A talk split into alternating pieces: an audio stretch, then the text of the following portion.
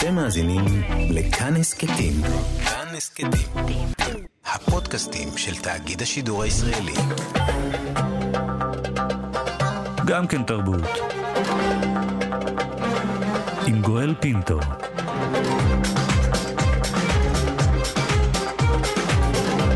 שלום, תודה שבחרתם להאזין לנו. הסכת אה, גם כן תרבות, המיטב מתוך התוכנית היומית שלנו, המשודרת בכל יום ברדיו כאן תרבות, 104.9, 105.3 FM. תהנו. גם כן תרבות, עם גואל פינטו. יום הבסטיליה, יום המציין את נפילת הבסטיליה ביולי 1789, מצוין היום בצרפת וברחבי העולם דובר הצרפתית. בניגוד למה שחושבים, המוטו חירות, שוויון, אחווה, ליברטה, גליטה, פרטרניטה, לא נולד אז במהפכה, אלא רק 60 שנים אחרי. והנה היום אנו עדים להפגנה שתתקיים מול בית ראש הממשלה בירושלים, כשההזמנה לה היא וריאציה על הציור של דלקחואה, החירות מובילה את העם, בה נראית מריאן, אלגוריה לחירות הצרפתית, אוחזת בדגל הצרפתי, הטריקולור, ומושכת אחריה אוהדים. בגרסת ההזמנה להפגנה הוחלף הטריקולור בדגל ישראל. שלום לסופר אלי אמיר. שלום ובוקר טוב, וזה לא במקרה כנראה אתה מראיין אותי ביום הבסטיליה. ואחד, והערה שנייה, שנייה, תגיד לאשר שגן העדן הוא פה. שלא יחכה לגדולות ונצורות שמחכים לו או לא מחכים לו, ושיירגע. כל בוקר שפוקחים את העיניים ויש אור בעיניים, גן העדן פה.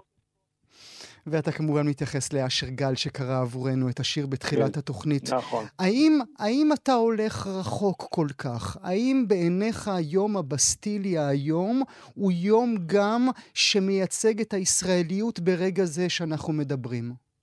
אני חושב שכן, ואני חושב שגם אנחנו נציין את היום הזה.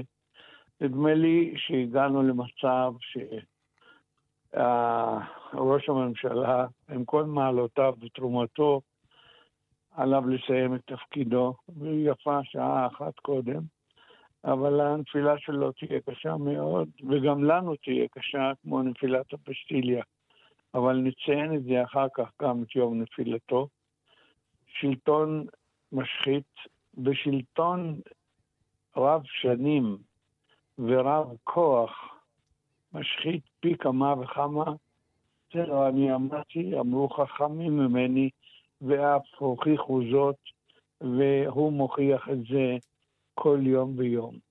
די בחברת כנסת שאשא ביטון, שמחליטה משהו בעניין הקורונה, וכבר מעיפים אותה, ואחר כך איכשהו מוצאים דרך להחזיר אותה, אבל לנשל אותה מכל סמכויותיה.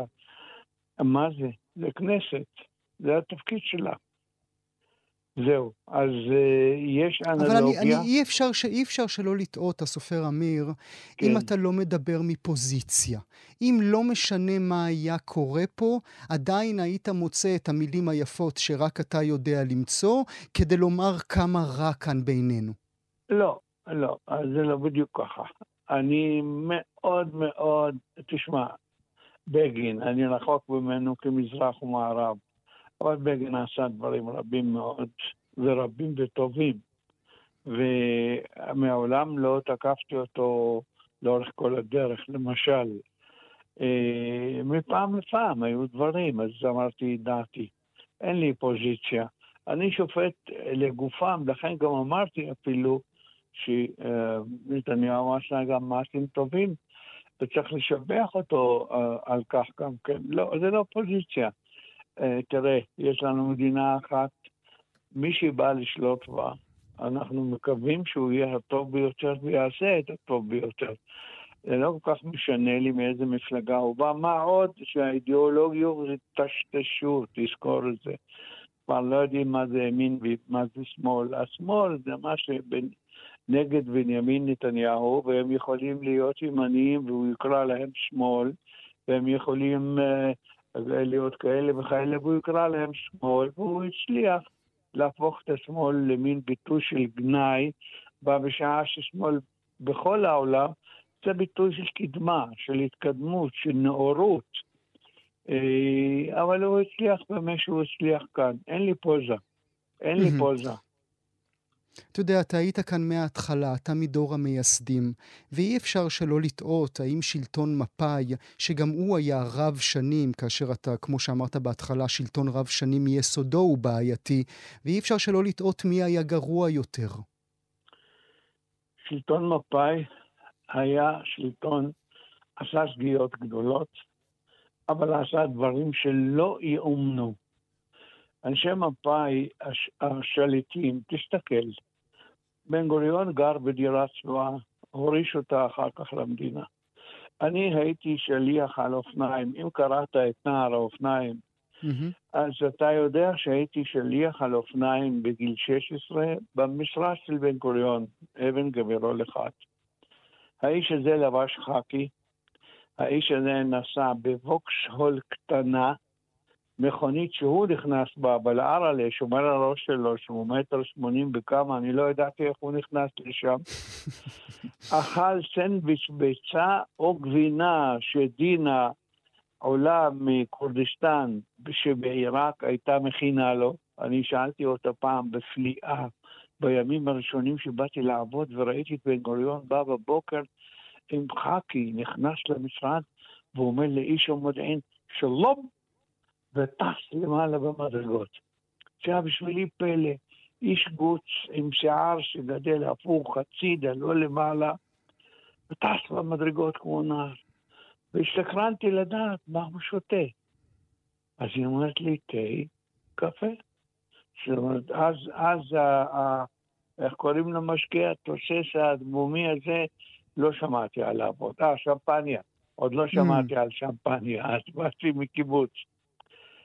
מה הוא אוכל? אז אומרת לי סנדוויץ' כמו שאתה אוכל, כי הייתי אוכל במזנון. זה כל הסיפור. ובצהריים משהו הפולה הייתה מביאה לו, פולה עליה השלום ששמרה עליו, הייתה מביאה לו פוץ' מוץ'. זה היה ראש ממשלה. אשכול גר בדירה צנועה. גבעתי חבר קיבוץ. כל, אתה רואה את כל הגוורדיה הזאת. שפרינצק היה איש צנוע, קדיש לוז, קיבוצניק, שמות אדירים.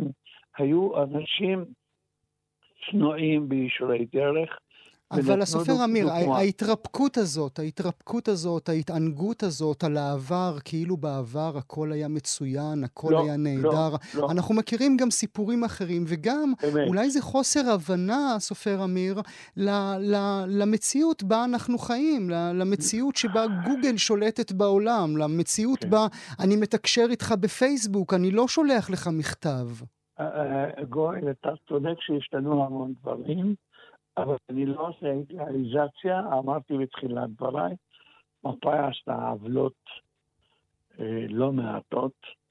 מפא"י טעתה טעות נוראה בהבנת היהודים שבאו מארצות האסלאם. אה, הם רצו להכתיב לנו תרבות ולא רצינו, כי הייתה לנו תרבות משלנו. והם לא הצליחו כמובן בדבר הזה. הם האמינו בדרכם שזה טוב, התרבות שלהם. ולנו התרבות הערבית זה דבר לא טוב, כי זו תרבות נכשלת, נוצחה במלחמה. ואנחנו לא קיבלנו אותה. והם עשו עוולות גם בקליטת עלייה, ובקליטת עלייה תמיד יש שגיאות איומות ונוראות, אבל תקשיב חבוב שלי. הגעתי מעיראק עם משפחה של תשע נפשות. הייתי בן 12 וחצי. לא היה לנו גרוש, יצאנו עם הבגדים בלבד מעיראק. אנחנו שבעה אחים, אחותי הלכה לעולמה, אבל כל אחד מהאחים היום, יש לו לפחות בית אחד, אה, מכונית, ביטוח רפואי, יש לו פנסיה, הילדים שלו אקדמאים, רוב הנכדים במשפחה אקדמאים. מה שצברנו ברכוש זה לא יאומן. מה שצברנו בהשכלה, לא יאומן, גם בעיראק היינו מגיעים לזה. אבל פה התחלנו מכלום בארץ ענייה שלא היה בה כלום. וכך עולים מרומניה, הגיעו mm-hmm. איתנו למעברות. הגיעו לאותם ההישגים, עבדו בשקט, סחבו את העגלה. צריך, צריך גם לומר, צריך להיות הוגנים ולומר שרבים, רבים, רבים לא הגיעו לאותם הישגים, השאירו אותם אני, לגמרי אני מאחור. אבל אני, אני רוצה מסכים, ללכת איתך לצעד רגע, אחד... שנייה, שנייה, אני מסכים, וזה אחת העוולות שנעשו. זאת אומרת שהשארנו בהרבה מקרים, גם מפא"י השאירה את החלשים מאחור, וזו שגיאה שעשתה, אבל גם את זה, הליכוד גם את זה לא תיקן. אני איתך. האם זה הוגן להפיל על ראש הממשלה נתניהו מגפה עולמית? לא. לא הוגן להפיל את זה על אף אחד. ואני גם לא מאשים אותו. הוא עשה את המקסימום, והוא הצליח אה, בעזרת מומחים שהיו סביבו גם לעצור את הגל הראשון. להפך, הוא ידע לרכז את הכוחות, ולקח לו יד ימין את בר סימנטוב, שהוא היה מצוין כנראה, ו- והצלחנו, הוא הצליח. אנחנו, אני משבח אותו על כך. בגל השני הוא כבר לא. בגל הדוחכי הגדול הזה, לדעתי, אה, איבדו את המושכות.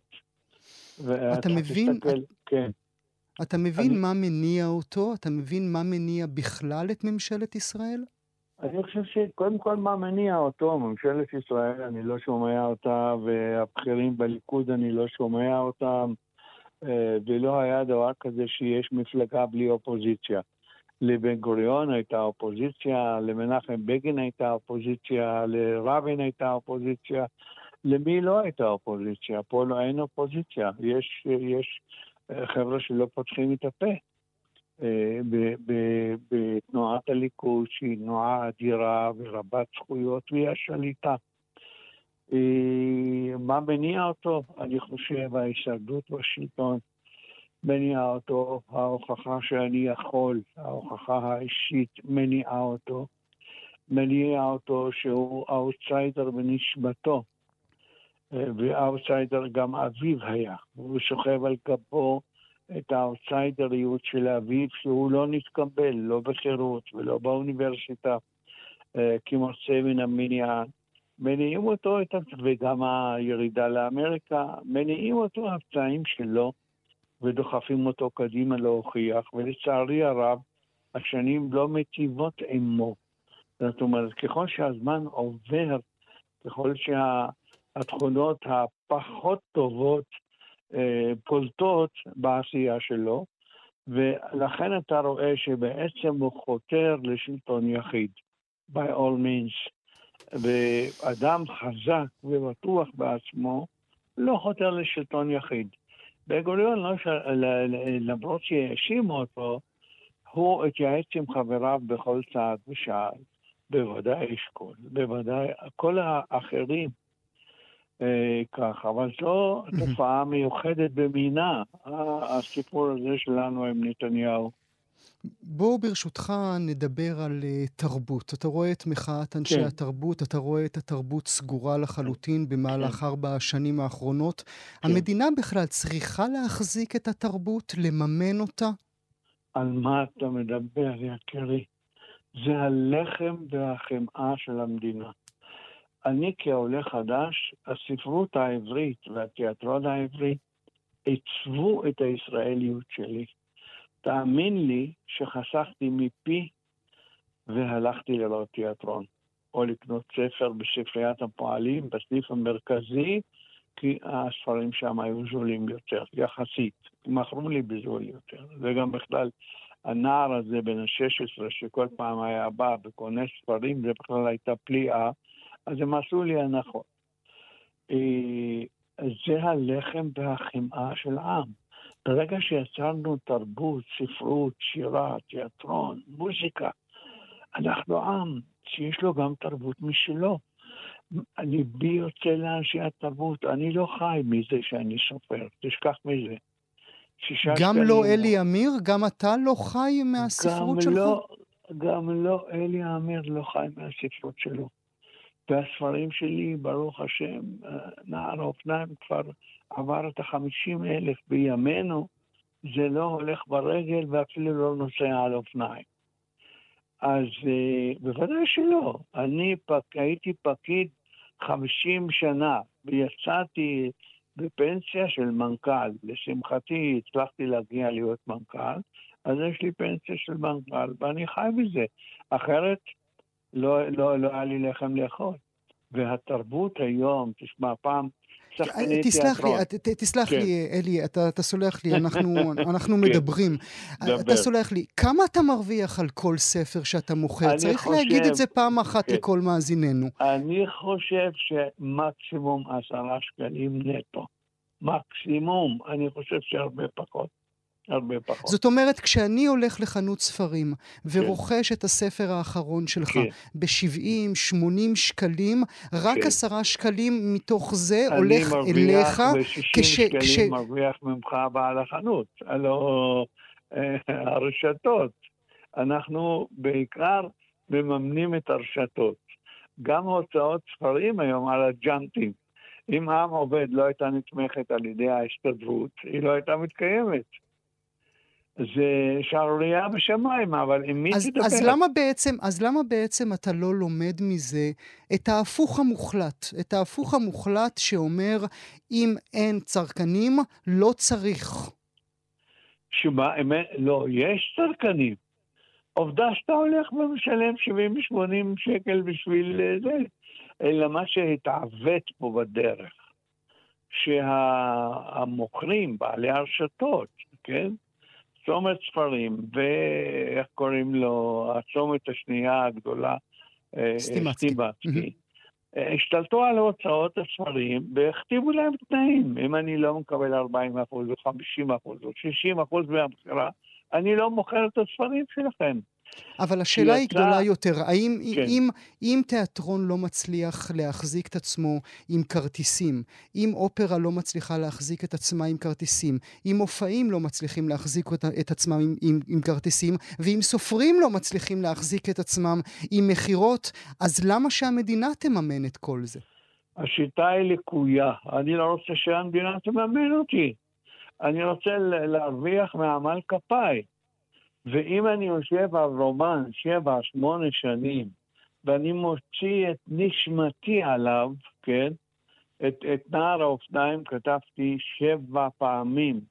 בוא, תנסה לרשום ב-600 עמודים שבע פעמים, ותראה שאתה תשתגע, יאשפזו אותך. אז uh, אני רוצה לקבל שכר לעמלי. אם הייתי שוטף רצפות, הייתי מרוויח יותר. זאת השיטה הלא טובה. ברגע שמישהו מוכר אותך, שאתה תלוי בו, בלעדיו אתה לא תתקיים. אומר לך, אני רוצה 60 אחוז אחרת לא אמכור אותך, או אני אמכור במבצע ארבעה בגרוש, או במאה שקל, או ברבע שקל, אתה אבוד. כשיצא ספרי מה שנשאר, גם הוא היה רב מכר, באתי לצומת ספרים, והיה שם, אה, אה, מה שמו, בעל הרשת.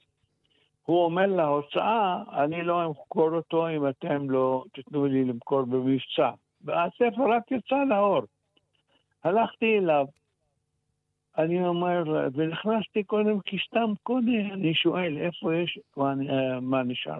אין מה, מה הספר לא קיים, לא נמצא על העמודים. באתי למוכרת ואמרתי לה, גברתי, קוראים לי אלי אמיר, אני הסופר. הספר הזה יצא עכשיו, לא יכול להיות שאין לכם.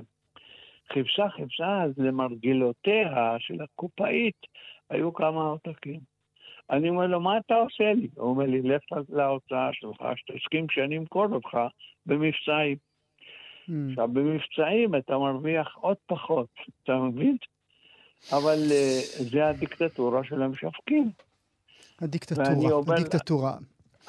מילה, מילה לסיום אה, ברשותך. אנחנו, נדמה לי, נדמה לי, ותקן אותי ברשותך, נדמה לי שאנחנו זורקים את המילה הכה מסוכנת הזו, דיקטטורה, יותר מדי בקלות, יותר מדי במהירות בשבועות האחרונים.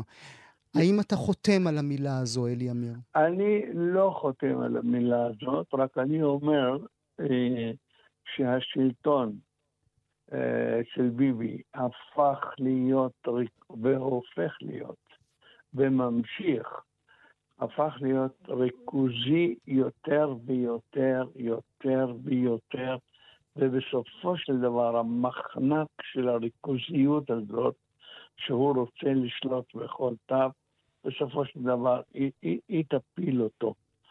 זה מה שהוא מנסה לעשות. הוא מנסה להשתלט על כל פינה ואי אפשר להזיז בלעדיו. מי אמר שהוא צריך להיות למשל, כן? הפרויקטור של הקורונה. ראש ממשלה צריך להיות פרויקטור של קורונה? מה, אין פה אנשים שיכולים לנהל את, הפרויקט, את, ה, את המאבק במחלה הזאת אה, אה, עם צוות בעל כוח ובעל סמכויות? לראש ממשלה יש זמן להתעסק בזה, אתה מבין? אבל מה, בשביל להופיע בטלוויזיה ולהגיד בפריים טיים, ולהגיד אזרחי ישראל, יעני אני אביכם מושיעכם, היום הצלתי כך, אני אבי האומה, היום עשיתי כך. סליחה, זה מיותר. אני יודע שאתה אבי האומה. אני יודע שאתה ראש הממשלה שלי. קח פרויקטור. אתה לא הולך לנהל את הצבא. כן, אם מחר חס וחלילה יש לנו איזשהו עימות. בזה צריך לשים אנשי מקצוע שלחמו במחלה הזאת. למה ראש המטה הזה הרבה ראש ממשלה, שלא צריכים אותו? אם הוא נותן לך סמכויות, שיפנה את הזמן לדברים אחרים, חשובים לא פחות. לא פחות. נאמר לך תודה, סופר אלי אמיר, תודה רבה על השיחה גואל, הזו, ויום הבסטיליה שמח. כן, אלי. גואל, גואל, אז אני אגיד לך גם כן, תענוג להתראיין איתך. כשאמרו לי אתמול שאתה תראיין אותי, הלך ליבי, כי השאלות שלך אינטליגנטיות, אני אומר למאזינים שלא שחטת אותי, השאלות שלך אינטליגנטיות, ענייניות, ותענוג לענות לך. נפסיק כאן. עלץ ליבי גם שלי, אלי אמיר, תודה שהיית איתי הבוקר. תודה. שלום, שלום. זו אמורה הייתה להיות שנת בטהובן. מקהלות, תזמורות, אנסמבלים, בתי אופרה, כולם, כולם, כולם, בכל רחבי העולם, התכוננו לחגוג 250 שנים ללידתו של הגאון כבד השמיעה, אבל אז הגיעה קורונה, וכל המוסדות נסגרו, וכל התוכניות נגנזו. אנחנו בכל זאת נקדיש היום ובשבועות הקרובים שיחות שיאירו זרקור על המלחין הגרמני, יליד 1770, שהביא לעולם את השלישית, החמישית, השישית והתשיעית. יש לנו עכשיו הזכות לארח את נורמן לברכט, לשעבר איש ה-BBC, היסטוריון, סופר שכתב עשרות ספרים על מוסיקה, ומי שמחזיק את הבלוג סליפט דיסק, פריצת דיסק, זה מצחיק, שאולי אה, בלוג המוסיקה הקלאסית הנקרא ביותר בעולם, יש לו מיליוני קוראים. בנוסף לכל זה, הוא גם לשעבר איש רשות השידור, שעבד פה אצלנו בין 1965 ל-1972. מיסטר אה, נורמן לברכט, thank you so much for being with. בוקר טוב, וטוב להיות בכל ישראל. סליחה, לא בכל ישראל, וכאן, וכאן, וכאן. וכאן. אנחנו על הכתפיים של כל ישראל. אה, אז אנחנו עושים את השיחה הזו בעברית. כן, ודאי. למה לא? איזה כיף לנו, איזה כיף לנו.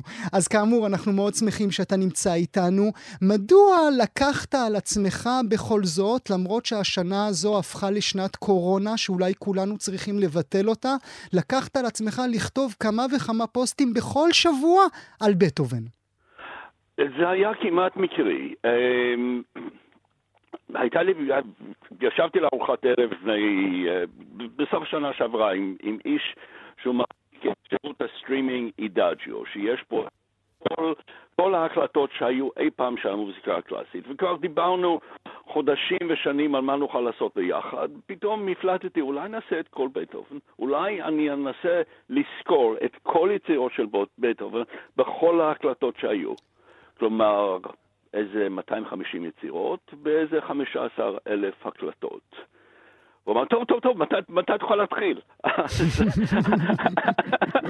אז עשינו הסכם, ואני לא ידעתי מה הטלתי על עצמי, כי יש לי כל מיני, הרבה דברים אחרים לעשות, אבל זה יצא להיות כזו ברכה, כי זמן קצר אחרי זה התחיל ההסגר, ואני נכנסתי להסגר עם בטהובן, וזה ממש הסגר יומיומי עם בטהובן, עם איש שחי את רוב חייו הוא בעצמו בהסגר, כי הוא איבד את שמיעתו. מה זה מלחין בלי שמיעה, mm-hmm. אלא איש שנכנס עמוק עמוק עמוק בתוך נפשו הוא, כדי למצוא שם קצת נחמה וקצת קצת אה, שוויון נפש. Mm-hmm. ולהיות עם בטהובן, להתאחד עם בטהובן יום-יום, לכתוב שלוש פעמים בשבוע מאמר של מילים, מילים על, על יצירות של בטהובן, על ההקלטות של בטהובן, זו ממש ברכה בשבילי. וכבר הספקת לכתוב כמעט 100 מאמרים מתחילת השנה. משוגע, נכון? כל... משוגע ממש, משיגנה, אתה אמרת אז מותר לי. כמה, כמה אפשר עוד לכתוב עליו? כל שבוע אני מגלה משהו חדש, כל שבוע אני מגיע מאיזו זווית אחרת, אה, ותופס משהו שנראה לי שאף אחד לא תפס קודם. אז יש דברים מוזיקליים, יש דברים טכניים, יש דברים היסטוריים, יש דברים פשוט משעשעים, כמו למשל... החבר הטוב של בטהובן, שכתבתי מילים לשיר הנודע שלו ביותר, שהיה במקרה סטודנט יהודי. Mm. ובמשך, ובמשך אה, שנתיים-שלוש הוא היה אחד ממקורביו של בטהובן ואחד האנשים שעליו נשען בטהובן ביותר. מה, מה קשר בהם? טוב, קודם כל, בטהובן אהב לדבר על מצב, על, על מצב שלו הבריאותי. Mm-hmm. אז היה לו סטודנט שיכול היה להעיר לו כמה דברים על עצמו. אמ, אבל הם היו שניהם אנשים שחיפשו את האמת וחיפשו אותו באומנות. והקשר שלהם היה חזק ומיוחד, ונראה לי שאף אחד לא כתב על זה קודם, אז אני כתבתי. אתה יודע מה? בואו נשמע בשביל האוזן של המאזינות והמאזינים שלנו, הקונצ'רטו מספר 4 אה, אה, לפסנתר, בואו נשמע. אוי, אוי.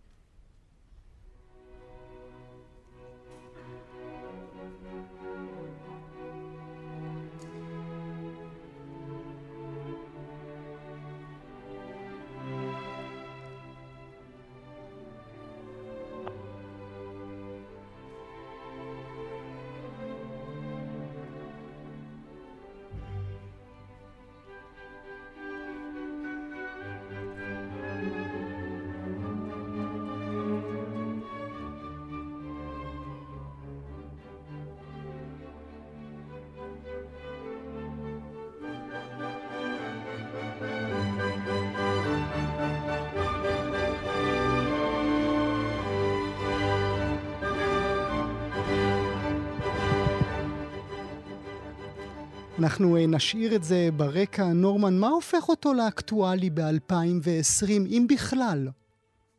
טוב, אה, המון דברים, אבל קודם כל, את הקטע הזה שהשמעת עכשיו, כאן הוא שובר את כל הכללים, זה קונצ'רטו לפסנתר ותזמורת. בדרך כלל מתחיל קונצ'רטו עם תזמורת, ואז נכנס הסולן.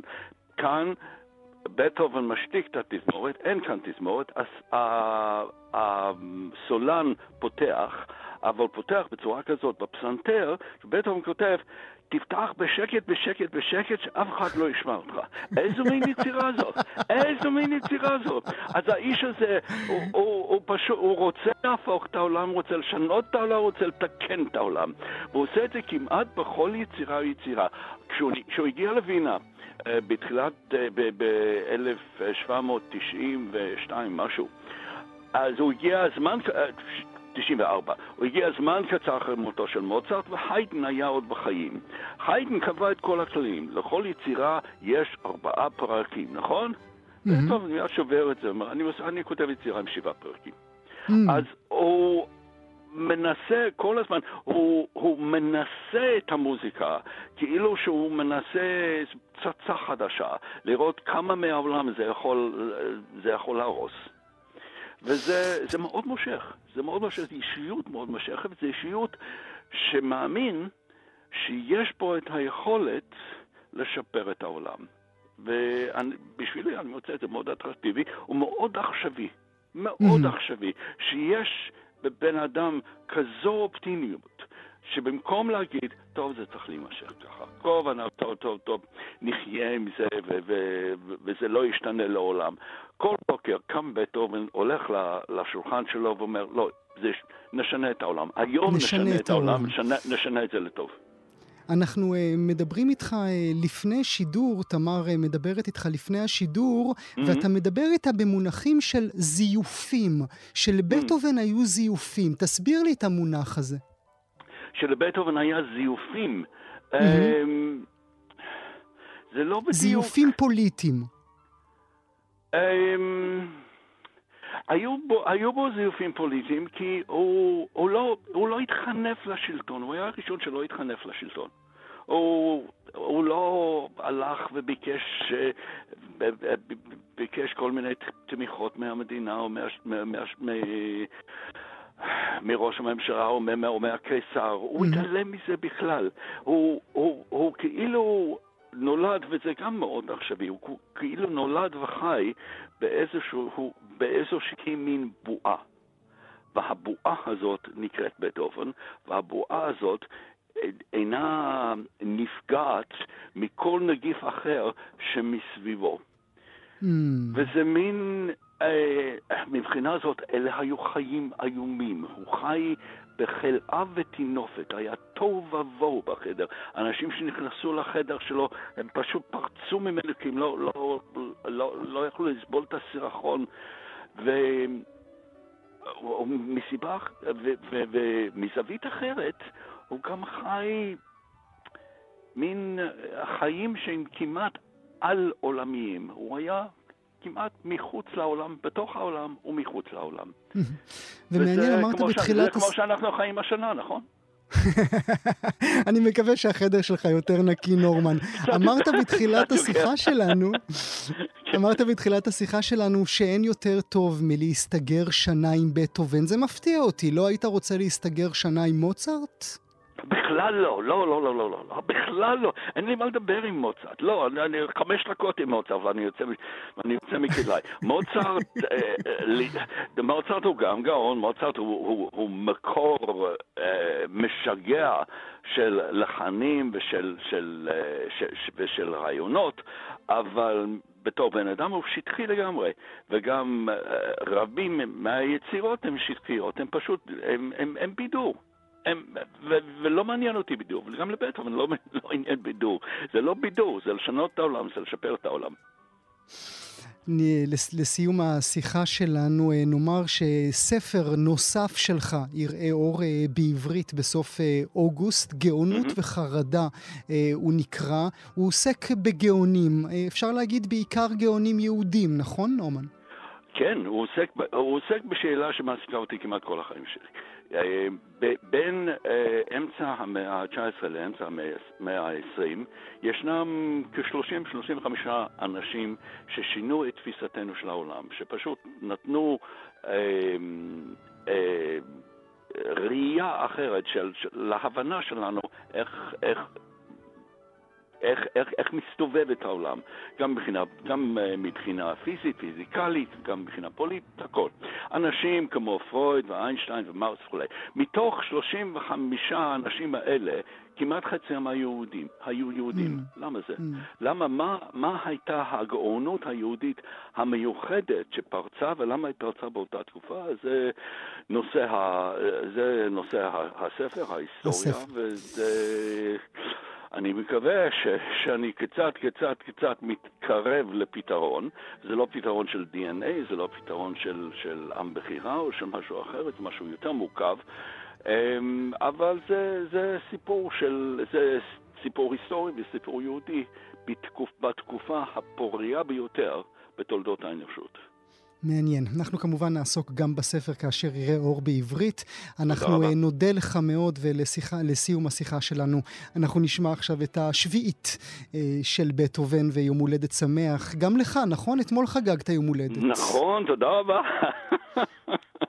תודה. מברוק לך ולבטהובן. תודה שהיית איתנו. תודה רבה, יופי לדבר איתך, גואל. שלושה ענקים של השפה העברית והזמר העברי חוגגים היום יום הולדת, דן אלמגור שייבדל לחיים ארוכים, אהוד מנור שהלך לעולמו ונעמי שמר בה נעסוק עכשיו. אילו הייתה חיה הייתה מציינת היום המשוררת כלת פרס ישראל שמר את יום הולדתה התשעים.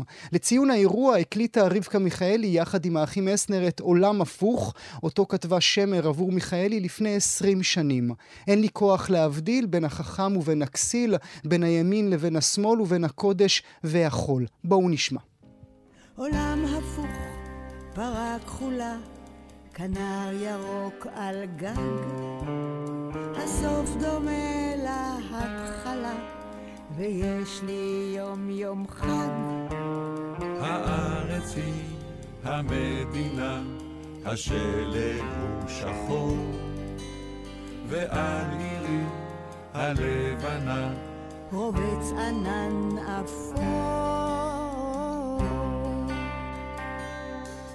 ואין לי כוח להבדיל בין החכם ובין הכסיל, בין הימין ובין השמאל, ובין הקודש והחול. עולם הפוך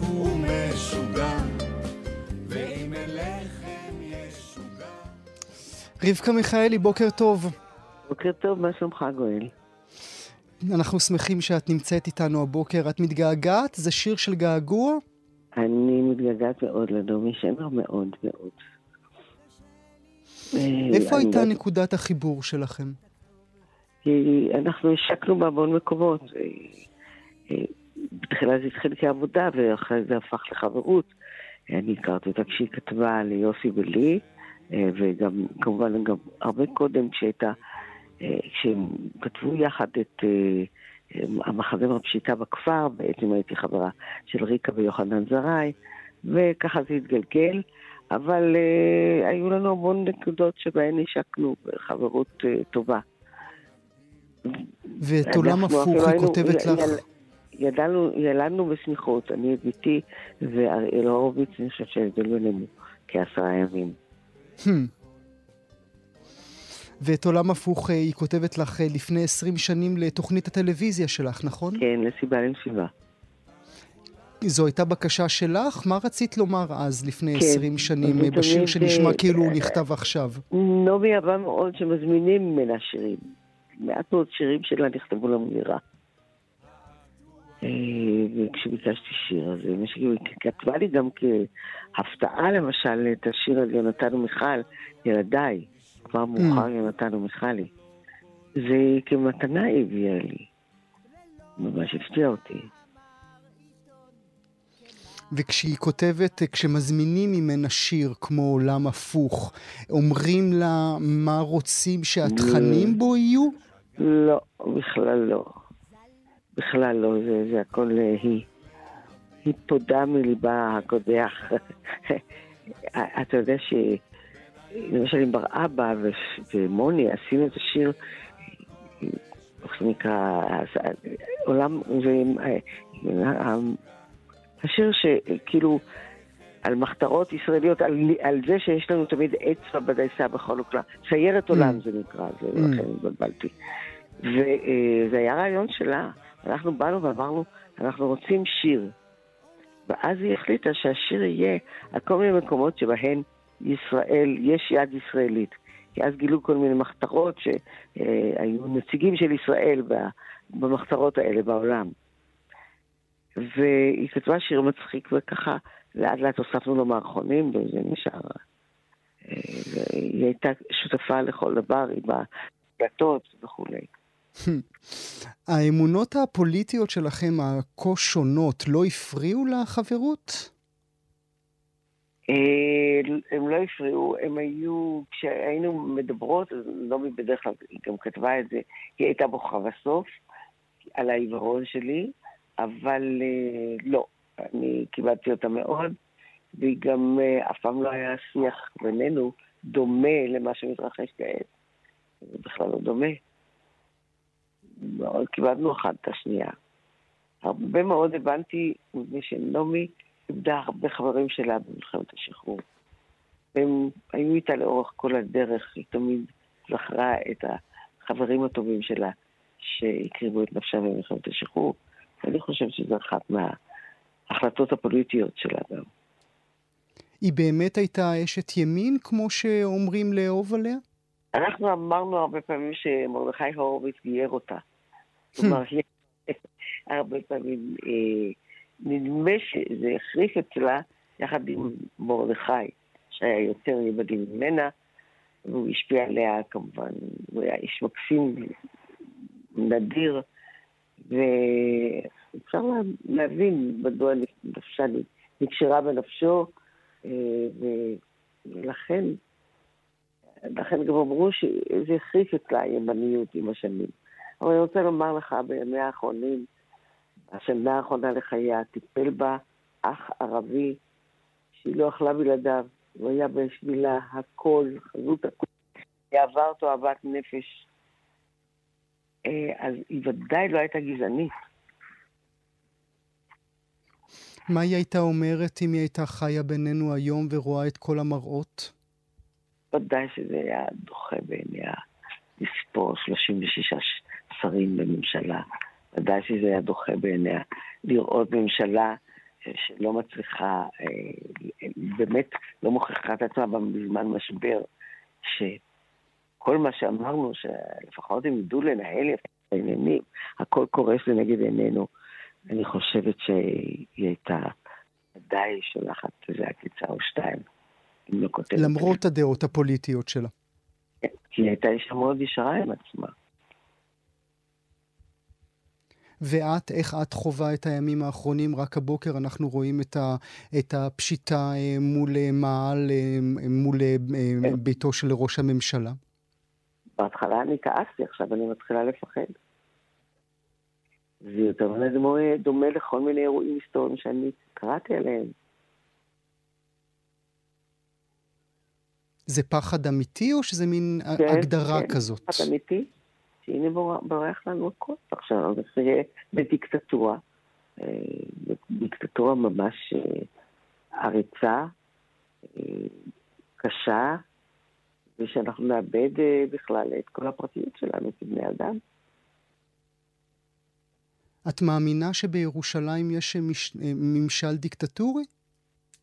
אני זה לא אמרתי, אבל זה אנחנו הולכים לקראת זה, ודאי. פיזור, אתה דיברת איתי על פיזור, הדרך שבה פיזרו את המאהל, שהרסו אותו. באו בבוקר, ניפצו את הכל, לקחו את כל הכיסאות שהם רכוש פרטי של אנשים, ולא הודיעו להם קודם. נתנו להם להתכונן אפילו. וזה מצולם, זה מתועד. איפה אתה עוד ראית את זה? כל מיני תיעודים במשטרים אחרים, אפלים. את יכולה לשים אה, נקודה בזמן, להסביר את ה... איפה זה התחיל? אה, היא נפלה לנו מהקו, תמר? כן, אנחנו, אנחנו נשמיע שיר נוסף, הפעם בשיתוף פעולה ממש בקולן של, של רבקה לב ושל נעמי עצמה, ואנחנו נעלה אותה שוב.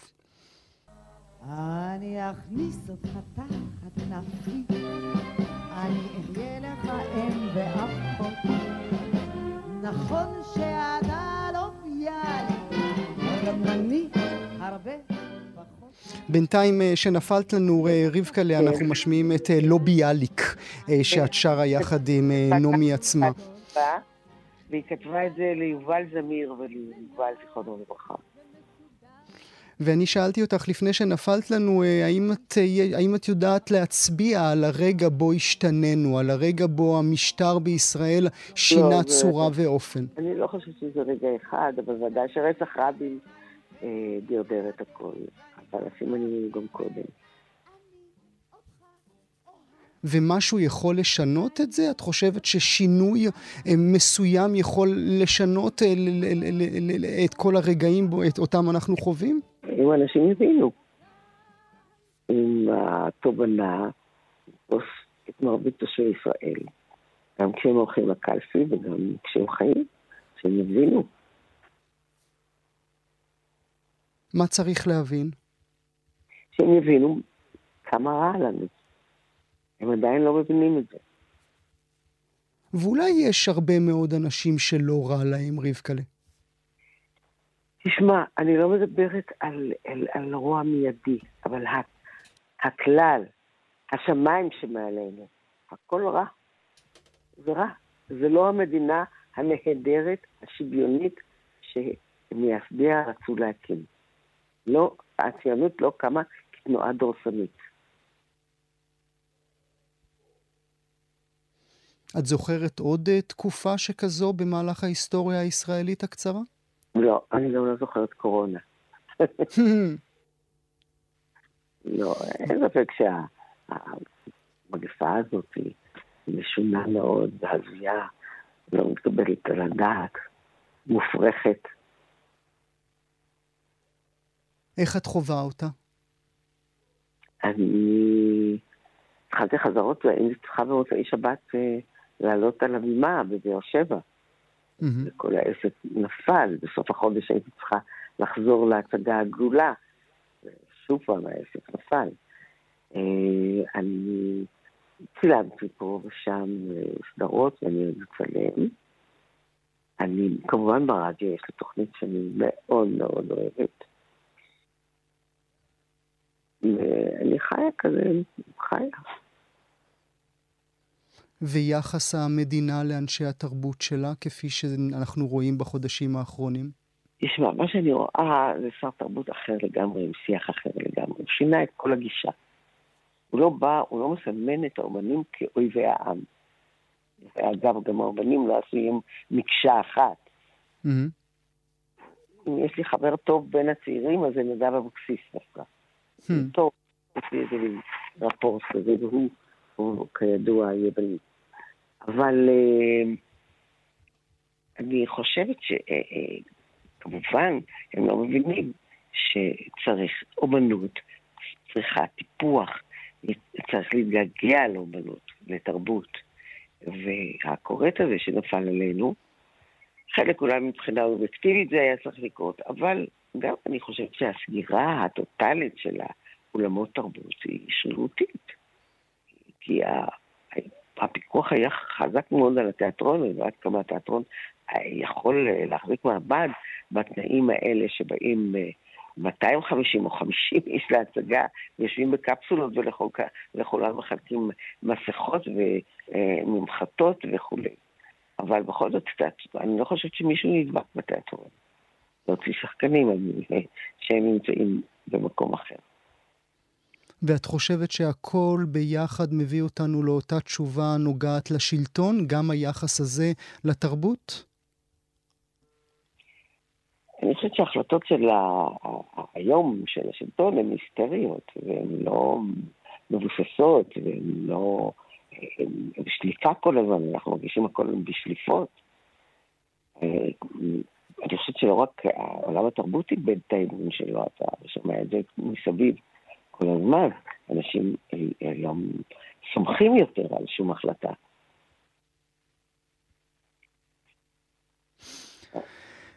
מילה לסיום, איזה עוגה את חושבת שהיא הייתה אוהבת שנכין לה? אילו אה. הייתה בינינו נעמי שמר? א', נעמי אהבה עוגות, והיא גם ה... איזה עוגה, היא יודעת, רב קומתית. אנחנו נשמע שוב את אה, לא ביאליק, אה, רבקה מיכאלי לעונג, אני מודה לך מאוד שהיית איתנו הבוקר. תודה רבה. אני אכניס אותך תחת נפשי, אני אהיה לך אם ואחות. נכון שאתה לא ביאליק, אבל גם אני הרבה פחות. אני אגיש לך קפה למיטה, אני אביא קרואסון ועוגות. מאז המבול זה נוח, זה מסודר, זוגות, זוגות. אני ספונטנית וחמה, ומצחיקה וחכמה, וגם יפה וגם עפה, וגם קריירה יש. אני חלום במכנסיים, תסתכלי לי בעיניים, פמיניסט ואתאיסט, ואני גם לא טיפש. אני אותך כנ"ל.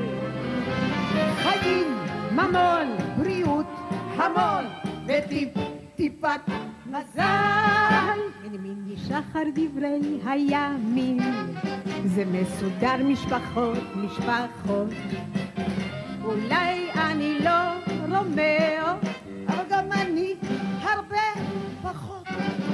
אני הייתי בעצם פנוי, הייתי כאילו פנויה. אז בוא נתעורר ביחד בירושלים הבנויה. אני אבנה לך ואקנה לך ואנהג לך ואחנה לך. החיים יהיו אצלנו חגיגה ממש. אני אשתוק, אני אחסוך. אני יודע אין כמוך. אנחנו כל שנה נצא לירח חדש. עם הילדים, בלי הילדים. הילדים, עם הילדים. אמרת אי, אמרנו בלי. אז אנחנו לא יוצאים. אני אכניס אותך תחת כנפי, אני אהיה לך אם ואחות. תזכור שאתה לא ביאליק, אבל גם את הרבה. בשורה מגיעה אלינו מחיפה. לראשונה החליטה ועדת השמות בעיר לקרוא רחוב על שמה של מלכת התרבות המצרית, פאטימה אברהים אל-בלטגי. אתם מכירים אותה בתור אום כולתום. שלום לרג'ה זעאטרה, עיתונאי וחבר מועצת העיר חיפה. בוקר טוב, גואל. בוקר טוב, ברכות. תודה, כן, מגיעה ברכה לחיפה, כבוד אה, גדול שהשם של אום כולתום יהיה מונצח אה, בעיר חיפה, וזה גם מעין סגירת אה, מעגל.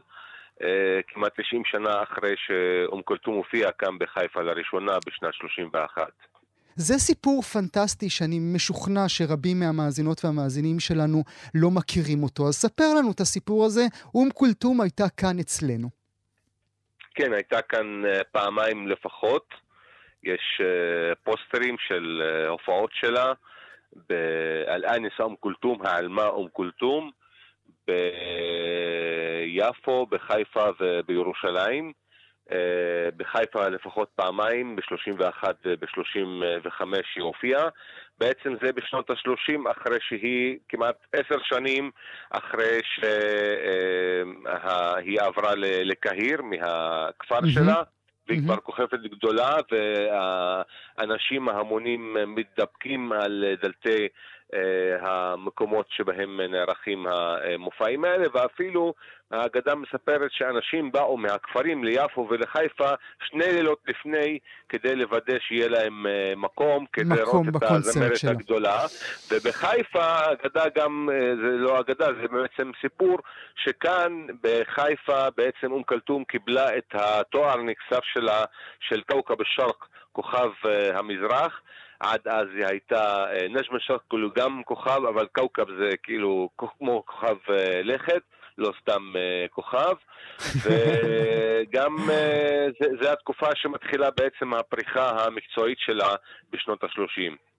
אנחנו, אנחנו נדבר אודותיה, גם עוד שנייה גם נשמע את קולה היפה. אבל עוד לפני כן, ברשותך, אה, מדוע היוזמה הזו הייתה חשובה עבורך ועבור חבריך? קודם כל זה חשוב כי אה, חיפה כל הזמן היא עיר שוחרת אה, תרבות. לאורך אה, כל השנים בכל התקופות, עיר אה, נמל ששואבת אליה גם אה, בין היתר אומנים. פה בחיפה אתה יכול לסובב לשמוע מוזיקה יוונית, מוזיקה ערבית, כל מיני סוגים של מוזיקה. וחשוב גם כי זו עיר שהיא עיר שגם חרתה על דגלה את ערך הקיום המשותף, החיים המשותפים בין mm-hmm. יהודים וערבים. ואומרים על נג'יב מחפוז, שהוא חתם פרס נובל, אמר על אום כלתום שיש אה, במצרים אפשר לריב על הכל, על אידיאולוגיה, על דת, על חברה, על זה, על זה, אבל אום כלתום היא קונסנזוס, ואני חושב שגם פה בחיפה היא חוצה מחנות. אתה מדבר על uh, מחפוז, הוא גם קרא לבת שלו על שמה ממש, כן? הוא היה מעריץ uh, מאוד גדול. איך זה כן. עבר בוועדת השמות? זה היה קשה להעביר את זה? לא, זה עבר פה אחד. זה עבר פה אחד. אה, בדרך כלל נושאים כאלה זה לא נושאים לניגוחים אה, פוליטיים, למרות. שלצערי אני כבר שומע מאתמול אה, זהו, אנחנו נדבר באמת על הנקודה הזו, רק להסביר למאזינות והמאזינים שלנו ששמה של אה, אום כולתום כבר מופיע אה, בירושלים, ברחוב בירושלים וגם בעיר רמלה, עכשיו אה, בחיפה. אנחנו מתחילים לשמוע כבר מאתמול קולות שמדברים נגד ההחלטה הזו של חיפה. אפילו בנו של ראש הממשלה מצייץ ואומר בושה וטירוף. התלונות האלה הגיעו עד הפתח שלך? אה, אליי לא, אבל אני שמעתי, אני חושב שזה חבל שיש קולות אה, כאלה, אנחנו מדברים על אה, זמרת בסך הכל, וגם זה בעיקר בא מחוץ לעיר. אז אמרתי לך, זה עבר פה אחד, גם האופוזיציה, גם הקואליציה תמכו, אלה שמיוצגים בוועדת השמות, זה עדיין מצריך אישור של מועצת העיר, אני מאמין שזה יעבור. אה, אני חושב שמוזיקה היא דווקא אה, שפה שהיא אוניברסלית, שהיא מאחדת אנשים, וגם אני חושב שפה בחיפה, גם בכלל בארץ הרבה יהודים גם מקשיבים, מאזינים לאום כולתום, שומעים את השירים שלה, גם בקרב עדות המזרח יש הרבה, איך אומרים, פייטנים שמשתמשים ב, ב, בלחנים שלה. אחד האנשים שלמדו את המוזיקה היה מלחין יהודי גדול שנקרא חוסני דאוד, לצד זכריה אחמד, לצד עוד אנשים שעזרו לה בתחילת דרכה, לאסבג'י. אז זה, וגם כשהיא השתתפה בכמה סרטי קולנוע, אז חלק מזה זה גם היו סרטים שאז היהודים במצרים בשנות ה-30 וה-40 היו מאוד דומיננטיים בתעשיית הקולנוע. אבל, אבל אי אפשר, רג'ה, אי אפשר לראות רק צד אחד, או אני, אני חושב, אני גם מרגיש שלהגדיר אותה רק כזמרת, זה קצת לרדד את מה שהיא באמת הייתה. היא הייתה, היא הייתה אשת סוד של נאצר, היא הייתה אישה מאוד פוליטית, היא דיברה רעות נגד מדינת ישראל, זאת אומרת, היו לה פנים אה, רבות, לא רק את הפן הזה של אני זמרת וזהו. כן, לא, ברור שלא מדובר בזמרת רגילה, כאילו עד המהפכה ב-52 היא נחשבה לזמרת על, אבל מאז המהפכה היא נהפכה עם השנים לאייקון תרבות של מצרים, והייתה סימביוזה מסוימת בינה לבין המשטר, כאשר אחד בעצם ניזון מהשני וחיזק את השני. אבל צריך להבין שגם לפני המהפכה של 52 היא קיבלה עיטור מהמלך, היא הופיעה בפני המלך פרוק ולפניו המלך פואד, היא הייתה גם בקשר עם כל מיני נשיאים ומלכים וכולי, וטבעי שהיא גם מן הסתם הייתה חלק מדעת הקהל אז במצרים. ו... אבל בין זה לבין להאשים אותה באנטישמיות ודברים כאלה זה... שזה, שזה באמת... זה באמת שם תואר שנשמע אודותיה במשך שנים רבות בישראל. אני לא בטוח עד כמה זה נכון מבחינה היסטורית. בוא ביחד, רג'ה, נשמע את הקול היפה שלה יחד ונדבר על זה.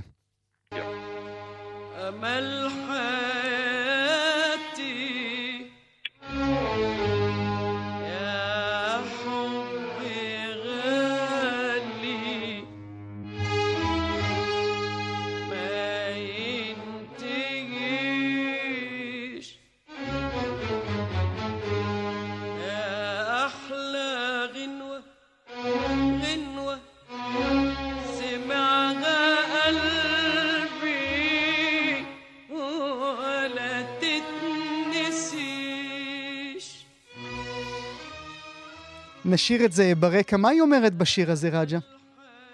היא אומרת איזה... שומעים אותי? כן, כן. כן, שעמל חייתי תקוות חיי, אהבה גדולה, בלתי נשכחת.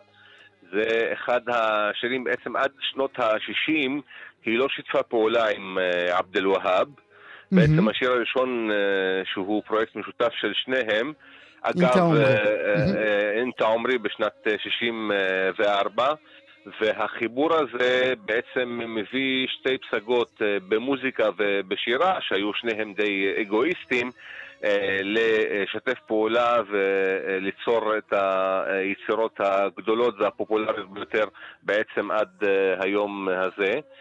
כן, גם, גם בנקודה הזאת צריך לומר, האגדה מספרת שמי שהכריח אותם להתחבר היה נאצר עצמו, שהוא התעקש ששני היריבים המושבעים האלה, עבד אל-והאב ואום כולתום, ישתפו פעולה אולי כדי לאחד את העם שהיה מפולג הוא בעצמו. כן, יש, יש סיפור כזה, כנראה שגם המשטר היה מעוניין ש... ייווצר החיבור הזה ושאנשים חיכו לו, ובפעם הראשונה מבחינה מוזיקלית שיש גיטרה חשמלית בשיר של אום כלתום בשנת 64 זה היה מהפכה כי אום כלתום אומנם הכניסה גם אלמנטים מודרניים אבל שמרה על השירה המסורתית של המקאמת, של המושחת, של האדואר ואילו פריד אל-אטרש ועבד אל-והאב ואומנים אחרים היו יותר מושפעים מסגנונות מוזיקליים מערביים והרבה מהשירים של שניהם, כלומר שהלחין עבד אל-והאב, הם השירים שבאמת מתוך 300 יצירות של אום כלתום, השירים של אום כלתום ועבד אל-והאב ביחד בעצם נחלו הצלחה כבירה. איזה עוד אה, אנשי תרבות אה, זכו לרחוב בחיפה? אמיל חביבי. שהוא הסופר החיפאי בהיגה, הוא. גם אה, חתן פרס אה, ישראל. אה, אמיל תומא שהיה היסטוריון, עסאם אל-עבאסי, אה, משורר. אבל בעיקר מה שמיוחד פה זה שמדובר באישיות שהיא לא חיפאית. מהמם. באישיות שהיא לא נולדה בחיפה, לא, לא פלסטינית, לא ערבית מפה, אלא אישיות אה, מהעולם הערבי אה, בכלל. אה, וזה טוב, זה טוב שגם בחיפה יהיה רחוב על שם אה, אום כלתום או כיכר, אה, זה היה גם בירושלים. אגב, אה, בעידן של ניר ברקת, שהוא אה. איש אה, ליכוד, וכמובן... זה אה, יעב- מילה לסיום, זה יעבור את מועצת העיר? אני מקווה שכן, אני די בטוח שכן. כי גם ראש העיר תומכת בזה, דוקטור עינת קליש, ומגיעה לה מילה טובה על זה. אנחנו נחכה ונראה. אני מודה לך מאוד על השיחה הזו, רג'ה זעתרה. תודה רבה לך שהיית איתנו תודה גואל, הבוקר. יום טוב. כאן הגיעה לסיומה תוכנית נוספת של גם כן תרבות. כרגיל, אנחנו שולחים אתכם לעמוד הפודקאסטים שלנו, עמוד ההסכתים, בכתובת כאן.org.il/פודקאסט, שיהיה לכם מה להאזין. תודה שהייתם איתנו.